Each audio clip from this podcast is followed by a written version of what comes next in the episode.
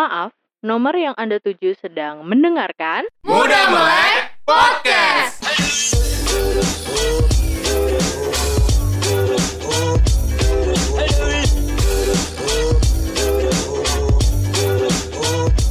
Selamat datang di Muda Melek Podcast bersama gue Dapidos. Nah, gue penasaran kalau lo punya kesempatan ke luar negeri, negara mana yang pengen lo kunjungin? Well, sebelum mulai, masih pada melek?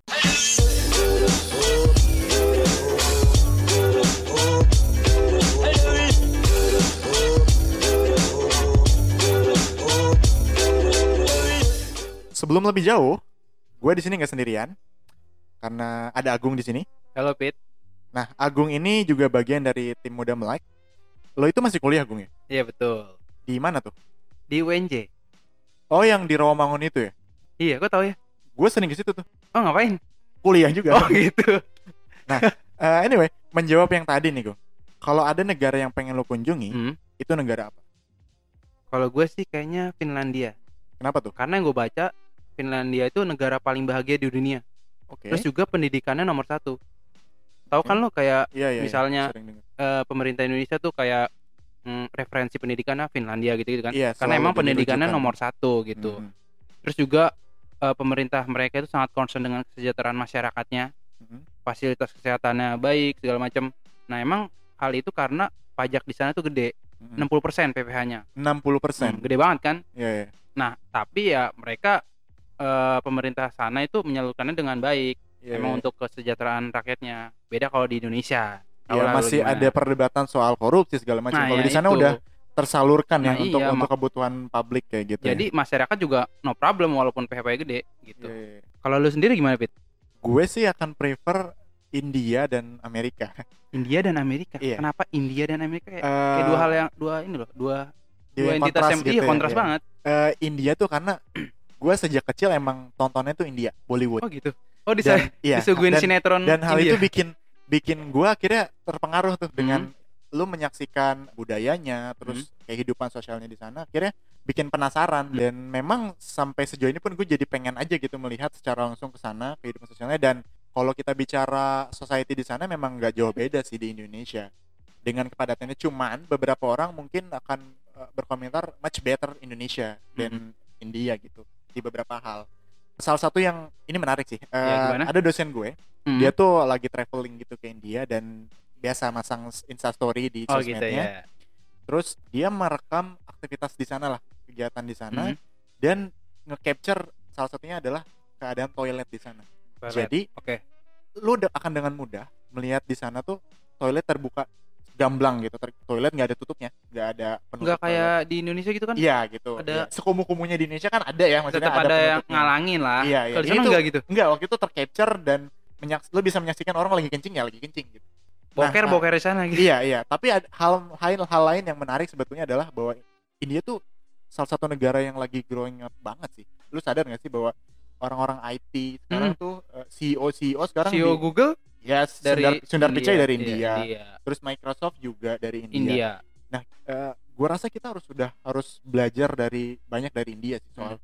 soal pendidikan dan pengembangan Teknologi. teknologi dan eh, eh, manusianya ya karena basically kita start di di eh, kalau nggak gua nggak salah kemerdekaan juga nggak jauh beda deh I don't know nah dari sana akhirnya membuat gue jadi penasaran dengan kebudayaan dan dengan kehidupan sosial di India nah kedua adalah Amerika Amerika. Kenapa nih? Amerika. jelas dengan segala macam hal yang diperlihatkan di Hollywood tentu membuat lo jadi penasaran gak sih Oke. gue gue sendiri jadi penasaran setidaknya dua hal di pendidikan Hmm? sama di teknologi. So far gue sangat tertarik dengan Silicon Valley di California bahwa mereka kan salah satu area yang memang produktif banget menghasilkan perusahaan-perusahaan Khusus, startup iya, teknologi Teknologi. yang membuat gue wow ini tempat keren banget sih. Dan someday kalau gue punya kesempatan ke US mungkin gue akan mampir ke sini mudah-mudahan. Nah by the way kenapa gue ngomongin ini? Karena kebetulan gue juga mau ngobrol dengan salah satu teman kebetulan kita ini sempat satu kampus dulu dan akhirnya dia harus pindah ke US untuk menetap dan akhirnya bersekolah di sana karena basically gue emang senang dengan US dan gue rasa gue perlu tahu lebih banyak sih well kalau gitu tanpa berlama-lama langsung aja kita undang Akbar Zahir Asyari welcome to the club bro Halo Bar. Halo Halo. Bar. Apa kabar, Bro? Alhamdulillah gue baik-baik aja sih. Cuman lagi um, lagi musim dingin jadi gue agak um, flu sedikit. Oke. Kenalin diri dong. Lo tuh siapa? Terus ngapain di US dan kesibukan sehari-hari tuh ngapain sih? Oke, um, nama gue Akbar. Um, gue kebetulan lahir dan besar di Jakarta. Dulu gue kuliah di UNJ juga, uh, jurusan manajemen. Tapi alhamdulillah keluarga ada rezeki terus uh, gue pindah ke Amerika. Sekarang gue putar 180 derajat dari yang awalnya manajemen, sekarang gue political science student. Jadi uh, gue belajar ilmu politik di Amerika. Dan keseharian gue sih ya ke kampus ha, Senin sampai Kamis. Kamis malam sampai hari Minggu gue biasanya kerja part time untuk um, cari duit gitu. Menarik, menarik. Lu stay di mana sekarang, BTW? Uh, kebetulan gue di uh, Santa Clara. Santa Clara itu kira-kira um, Sebelah mananya Satu jam. Rawamangun tuh? Halo mana yang mana? Sebelah mananya Rawamangun? Waduh, itu sulit itu jelasinnya. Intinya gue ada di um, satu jam dari San Francisco lah. California. California di Oh. Silicon Valley. Oke. Menarik. Eh, Akbar, tell us more about US education. How the things work di sana, terus pola pendidikan itu kayak gimana sih? Perbedaannya mungkin? Um, kalau menurut gue pribadi, uh, comparing dari pengalaman SMA gue di Indonesia, dari pengalaman kuliah di Indonesia, terkhususnya di UNJ, um, di sini um, murid lebih dibebaskan untuk uh, berekspresi dan memilih apa yang mereka mau sih sebenarnya. Jadi gue sebagai uh, political science major, gue bisa ambil kelas astronomi, gue bisa ambil kelas ekonomi, um, gue bisa ambil kelas uh, biologi untuk memenuhi syarat general education gue. Dengan kontras, uh, whereas di Indonesia, gue sebagai manajemen harus stick to the schedule yang kampus dan administrasi administrasi kampus sudah bikin. Um, yang gue rasain itu sih yang paling besar murid lebih dibebaskan untuk berekspresi dan bereksperimen dengan apa yang mereka mau di di sini di Amerika. Jadi lu lu punya keleluasan untuk belajar sesuatu yang di luar bidang lu ya? gitu? Betul, betul banget, iya. Tapi untuk di sana tuh ada penjurusan kayak di Indo nggak sih? Kayak IPA, IPS? penjurusan kalau dari teman-teman gue yang kuliah yang SMA di Amerika sih nggak ada. Karena um, beberapa sekolah itu menerapin sistem kayak uh, di kuli kampus juga sih sebenarnya. Kayak uh, anak ini maunya ambil apa terus um, jamnya yang jam berapa. Ada juga sekolah yang emang um, menent- udah bikin jadwal-jadwalnya sendiri tapi nggak ada penjurusan spesifiknya Eh, lu tuh political science kan? Which is kalau Iya, di betul. Indonesia tuh kan sosial ya. Tapi lu belajar Iya. biologi juga ya? Iya, scientific gue kebetulan um, quarter lalu uh, semester lalu gue ambil uh, physical anthropology jadi um, antropologi fisikal Iya. physical anthropology Iya. gue cuma bolak balik kata doang anjir iya physical anthropology which is kayak biology tapi lebih ke human um, history and society-nya gitu deh. Nah, setahu gue di sana itu kan terbagi gitu ya konsepnya maksudnya ada university, ada community college. Nah, itu Betul. bedanya gimana, Bar? Nah, kalau sen- gue sendiri sekarang gue itu community college. Community college itu simpelnya kalau university itu S1, kalau uh, community college itu D3. I see.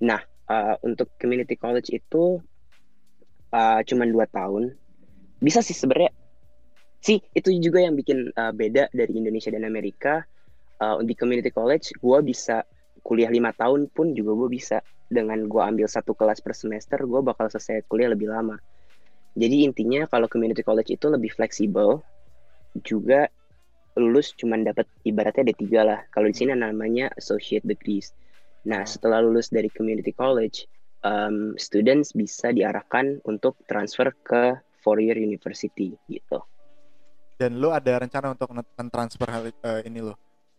Ada, ada banget. Gua udah banyak beberapa kampus um, pilihan gua yang mau gua uh, apply untuk transfer after community college yang gua tempuh sekarang ini. Satu hal yang udah jelas nih adalah eh, tuition fee untuk kuliah di sana tuh mahal banget, iya nggak sih? Mereka yang Uh, yes and no. oke, Eh, mereka yang kuliah di sana banyak yang sambil kerja atau gimana sih?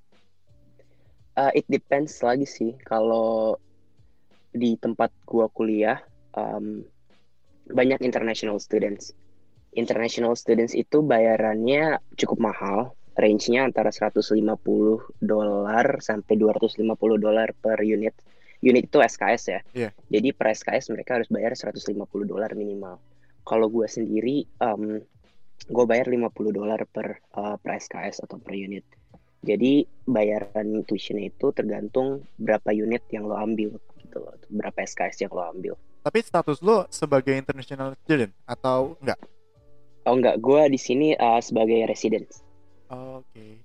Iya. Karena ini ini dari yang gue baca aja sih bahwa di sana biaya kuliah yang mahal tuh jadi semacam isu juga gitu sampai merembet ke permasalahan student loan kayak gitu-gitu. Gue agak shock aja sih. Oh iya. Di sana ngutang untuk Iya. sekolah tuh common ya ternyata. Iya, ngutang untuk sekolah itu sangat sangat sangat common sih. Ibaratnya kayak pinjem uang untuk beli rumah, tapi instead of beli rumah, pinjem uang untuk beli gelar. Uh, nggak Ah, maksudnya? Iya iya iya. Ya, jadi sebenarnya jadi problematik juga sih, especially harga sekolah yang mahal di public school. Kalau private school, gue masih wajar karena mereka private school itu kan didesain oleh private organization untuk orang-orang Iya yang memang iya. pengen masuk ke situ dan edukasinya juga lebih bagus. Tapi public school yang mahal dan um, nggak affordable untuk people ini yang jadi concern di Amerika sekarang itu. Karena beberapa sumber yang gue baca emang student loan itu menjadi salah satu yang terbesar kedua setelah eh, cicilan rumah katanya sih. Eh, dan dan itu oh iya. sampai 70 I don't know 30 ribu. Jadi kayak tadi pagi nih gue baca eh, satu anak yang lulus nih in average gitu ngutang 30 ribu dolar ketika dia lulus kayak sekitar 400 jutaan. Itu itu numbersnya gue dapet di media sih.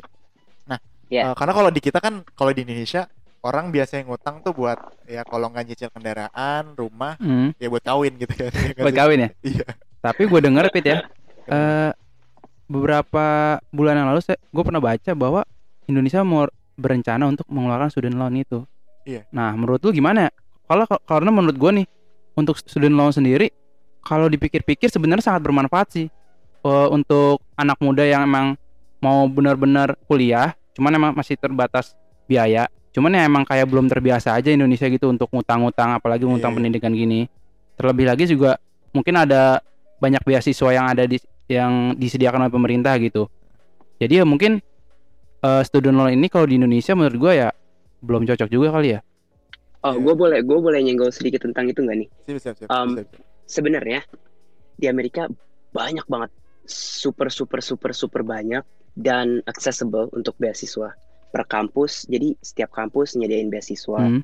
Uh, negara bagian nyediain beasiswa kota atau city atau county nyediain beasiswa federal government nyediain beasiswa dan beasiswanya itu uh, macam-macam pit gung Hmm. dari yang mulai untuk beasiswa untuk imigran, beasiswa untuk Asian American, beasiswa untuk African American, beasiswa untuk political science students, beasiswa untuk anthropology students, beasiswa untuk um, iya iya. medical students, law school students, itu banyak banget. Tapi, tapi, tapi, Hah? memang itu penuh effort banget sih. Jadi uh, time consuming banget. Um, personally, bokap gue lulus dari di Amerika dengan student loan oke Oh, dan student loan-nya dia itu kira-kira uh, waktu itu, dia udah lunas bayar student loan-nya Iya. tapi Hmm. student loan-nya dia itu uh, 5.000 dolaran itu di tahun 19 um, 80-an atau 1990-an which is 5.000 dolar 5.000 dolar zaman itu Gede banget. mungkin Gede banget. cukup gede lah Iya, iya, cukup gede nah tapi di lain sisi kakak gue lulus dari kuliah di Amerika juga itu tanpa tap- eh, tanpa student loan sama sekali. Dan tidak ngeluarin duit sama sekali karena dia dapat um, eh, beasiswa. Beasiswa. full Oke. full ya scholarship. Salah satunya itu kalau nggak salah dia dapat beasiswa karena dia um, Asian American dan beasiswa dari uh, federal government. Jadi potensinya uh, bukan potensi apa maksudnya? Um, possibilities untuk dapat beasiswa itu banyak cuman emang time consuming banget sih Menarik banget ya karena di Amerika ternyata ada kayak eh, beasiswa untuk Asian American. Iya. Di Indonesia gue kan nggak ada. gue pernah dengar jokes tentang beasiswa ini Iya. di di stand upnya Panji kalau nggak salah bahkan ada beasiswa yang based on nama kalau lu namanya sama dengan pemberi beasiswa lu bisa dapat kayak Gokil. beasiswa untuk yang namanya William gitu Oh gitu ya. Jadi itu itu itu jokes sih cuman itu mah menggambarkan bahwa di sana tuh banyak banget cuman betul mungkin butuh effort iya, yang besar ya. effortnya gede juga di sana Iya, uh, effortnya gede parah. overall lu ada kesulitan gak sih adaptasi di sana bar kayak bahasa atau budaya mungkin Awalnya sih em, mungkin teman-teman gue tahu gue sebagai waktu di Jakarta gue cukup terwesternisasi dengan budaya barat sih ya. Iya. Tapi jadi kalau menurut gue waktu dat pertama datang sini nggak ada halangan budaya. Eh, maksud gue nggak ada halangan bahasa karena em, alhamdulillah keluarga gue emang udah rencanain bukan rencanain sih maksudnya udah lihat jangka panjangnya kalau untuk masukin gue les ke sekolah bahasa dari kecil itu ada benefitnya nanti untuk gue di masa depan. Untuk em, budaya sendiri yang paling gue gue nggak nggak nggak bilang ini sh- culture shock atau apa, Hmm. tapi yang gue lihat ini budaya di Amerika itu emang jauh beda banget sama budaya Indonesia. Salah satunya tentang em, LGBTQ sih. Itu sangat sangat gue sangat rasain sekali sih di sini. Uh, kita akan ke sana tapi sebelumnya lu tadi sempat nyinggung soal belajar bahasa Iya. pendapat lu tentang kebiasaan berbahasa Inggris yang di Indo tuh terkesan tabu gitu kayak lu ngomong Inggris di lingkungan masyarakat kita kayak dianggapnya so Inggris so Inggris ya, gitu. so so so bisa lah. iya pendapat lu gimana menurut gue nih ya lo boleh kita semua boleh uh, kita sem- bukan boleh sih kita semua harus wajib kudu mesti embrace bahasa Indonesia karena itu bahasa kita kan Iya, iya, kultur budaya. Tapi yang harus kita ingat kalau bahasa Inggris itu juga penting karena semua orang sekarang bisa bahasa Inggris. Mm-mm. iya gak sih kalau lo lihat orang kayak anak SD sekarang ngomong apa sih I love you aja bahasa Inggris. Iya. Kayak itu udah influence banget kan. Receh-recehnya ngomong cinta tuh udah pakai Bahasa ya. Inggris. iya anak jaksel banget kan. Iya iya jadi kayak kalau menurut gua belajar bahasa Inggris itu penting sih. Bukan untuk gaya-gayaan tapi belajar bahasa Inggris penting untuk lu bisa uh, dorong diri lo untuk lebih maju ke apa ya namanya ke arah yang lebih baik sih. Kayak dude everybody speaks English right now. Yeah. so when you speak English you, you're putting an effort to yourself and you're putting an advantage to yourself to be to compete in a global situation or a global era right now. So untuk anak-anak Indonesia teman-teman gue yang masih uh, agak sulit berbahasa Inggris nggak apa-apa nggak ada waktu telat untuk belajar. Di Amerika semua orang bahasa Inggris itu nggak ada yang bukan nggak ada yang bagus sih maksudnya nggak ada yang perfect. Semua orang salah grammar semua orang punya aksen semua orang beda-beda cara ngomongnya. Dan kita semua nggak diskriminatif karena kita tahu bahasa Inggris itu emang bahasa internasional gitu. Udah jadi tuntutan juga sih. Karena Udah jadi tuntutan oh iya oh iya gue punya fun fact tentang bahasa Inggris di Amerika kenapa tuh Amerika nggak punya official language. Jadi bahasa official Amerika bukan bahasa Inggris. Jadi Oh, Amerika nggak punya official language oh, sama oke sekali. jadi gimana maksudnya? nggak ada ya? Kalau kita kan bahasa Indonesia nih. iya Di sana nggak ada ya? Nggak ada. Amerika nggak punya bahasa official. Iya, kalau Indonesia nggak ada. Ini- Amerika nggak punya official language sama sekali. Budaya kita kan sering mengagung-agungkan Western Iya, ya, benar. Amerika gitu. Ternyata harusnya kita bangga dengan diri kita ya. Kita punya Kita bahasa punya sendiri, identitas kita punya gitu. identitas. Anyway, Amerika Amerika pakai bahasa Inggris kan bukan dari Amerika sendiri, itu dari negara Inggris sendiri dari United Kingdom. iya karena Dan dijajah Amerika ya. itu Dijajah. kan iya. Gitu. So, menurut lo apa yang harus eh, anak-anak sekarang nih lakuin, especially untuk eh, improve bahasa Inggris mereka? Um, menurut gua sih ya ngomong bahasa Inggris sama teman uh, yang pertama sih kuncinya belajar bahasa Inggris di sekolah sih itu penting. Meskipun uh, kadang- Boring ya? kadang boring dan situasinya nggak nyaman dan cara ngajar itu nggak jelas. Ini disclaimer ya gua ngerasa di Indonesia ngajar cara bahasa Inggris itu nggak jelas di sekolah negeri apalagi. Nggak nggak efektif sama sekali. Jadi menurut gua itu banyak diskusi aja sama teman-teman. Jangan apa jangan don't afraid to ask people that can speak English gitu loh. Karena gue belajar bahasa Inggris juga dari salah ngerti nggak jadi gue banyak salahnya belajar belajar karena bahasa belajar bahasa itu susah banget sumpah itu susah banget Dan itu harusnya jadi habit nggak sih, bukan hanya sebatas Iya. hafalan gitu. jadi bahasa Inggris itu jangan cuma dipakai buat nge-tweet jangan cuma dipakai buat komen Buat gaya-gayaan bro. di sosmed. jadi kayak iya kan lu banyak lu banyak Iya, banget iya. lihat orang di Twitter ngomong bahasa Inggris dan lain-lain cuman buat apa ngerant uh, komplain tentang ini itu cuman Iya. buat gaya-gayaan kalau bahasa Inggris menurut gue bisa dijadiin untuk engage in social media in a way kayak reply tweet tentang um, discussion tentang social discussion atau tentang um, reply tweet tentang music and then uh, express your opinion in in English gitu loh.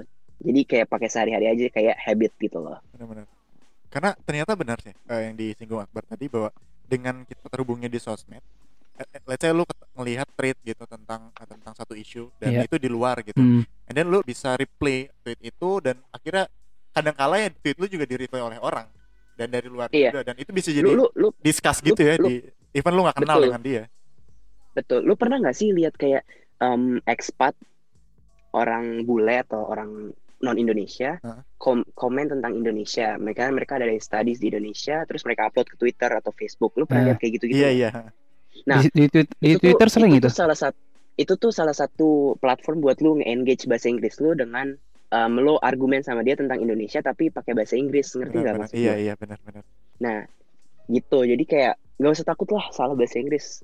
Banyak orang di Amerika ngomong bahasa Inggrisnya juga nggak jelas dan aksennya beda-beda. Jadi santai aja